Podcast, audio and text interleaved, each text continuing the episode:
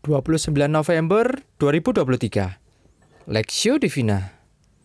Ibrani pasal 3 ayat 7 sampai 19 Sebab itu seperti yang dikatakan Roh Kudus pada hari ini jika kamu mendengar suaranya janganlah keraskan hatimu seperti dalam kegeraman pada waktu pencobaan di padang gurun di mana nenek moyangmu mencobai aku dengan jalan menguji aku. Sekalipun mereka melihat perbuatan-perbuatanku 40 tahun lamanya. Itu itulah sebabnya aku murka kepada angkatan itu dan berkata, selalu mereka sesat hati dan mereka tidak mengenal jalanku. Sehingga aku bersumpah dalam murkaku, mereka tak akan masuk ke tempat perhentianku. Waspadalah, hai saudara-saudara, supaya di antara kamu jangan terdapat seorang yang hatinya jahat dan yang tidak percaya oleh karena ia murtad dari Allah yang hidup. Tetapi nasihatilah seorang akan yang lain setiap hari, selama masih dapat dikatakan hari ini, supaya jangan ada di antara kamu yang menjadi tegar hatinya karena tipu daya dosa. Karena kita telah beroleh bagian di dalam Kristus. Asal saja kita teguh berpegang sampai kepada akhirnya pada keyakinan iman kita yang semula.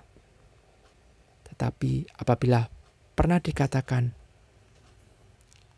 pada hari ini jika kamu mendengar suaranya, janganlah keraskan hatimu seperti dalam kekeraman Siapakah mereka yang membangkitkan amarah Allah?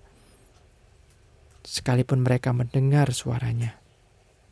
Bukankah mereka semua yang keluar dari Mesir di bawah pimpinan Musa?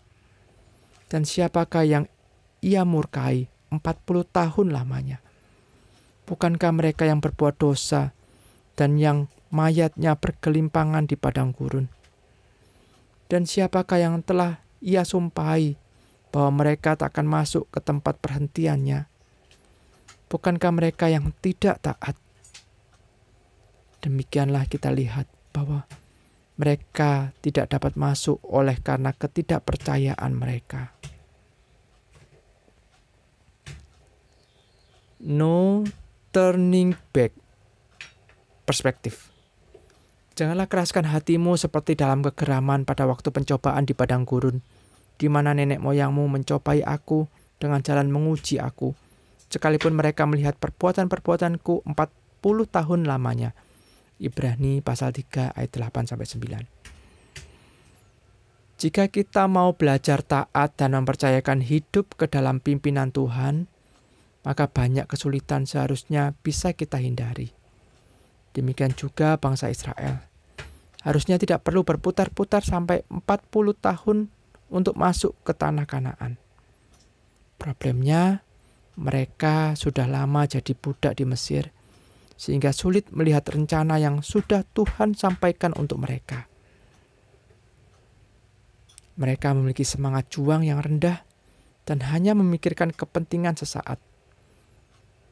Bagaimana mereka bisa makan dan melewati satu hari, padahal Tuhan telah merancang dan menyiapkan kehidupan yang jauh lebih indah dan makmur di tanah perjanjian.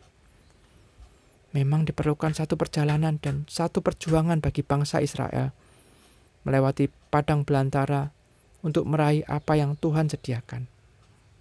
Sayangnya, setiap kali bangsa Israel menghadapi kesulitan, bukannya mencari dan mendekatkan diri pada Tuhan, Sebaliknya mereka menyesal dan bersungut-sungut serta ingin kembali menjadi budak di Mesir. Mereka tidak bisa melihat kasih dan kuasa Tuhan yang menyertai mereka dalam sepanjang jalan hidup mereka.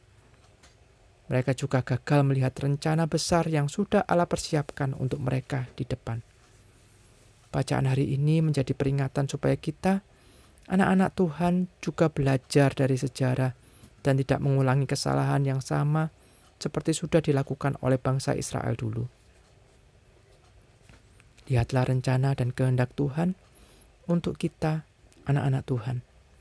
Apa pun yang terjadi, Tetaplah taat dan setia kepada Allah. Jangan mau diperdaya tipu, dos, tipu daya dosa yang membuat kita keras hati dan tidak percaya kepada Allah. Berikutnya, jangan biarkan kepahitan hidup dan masa lalu kita mengurung dan membutakan kita untuk melihat rencana dan kehendak Tuhan yang sudah Dia siapkan. Lihat kasih dan kebaikan Allah di dalam hidup kita dan songsonglah dan songsonglah masa depan bersama Tuhan. Terakhir, selama masih ada kesempatan, mari kembali pada Tuhan Jalani hidup bersama dia hari ini, bukan besok. Jangan pernah berkeinginan untuk kembali kepada hidup di masa lalu tanpa Tuhan. Studi pribadi, adakah pengalaman pahit masa lalu masih membayangi hari ini, sehingga membuat Anda sulit untuk melangkah maju?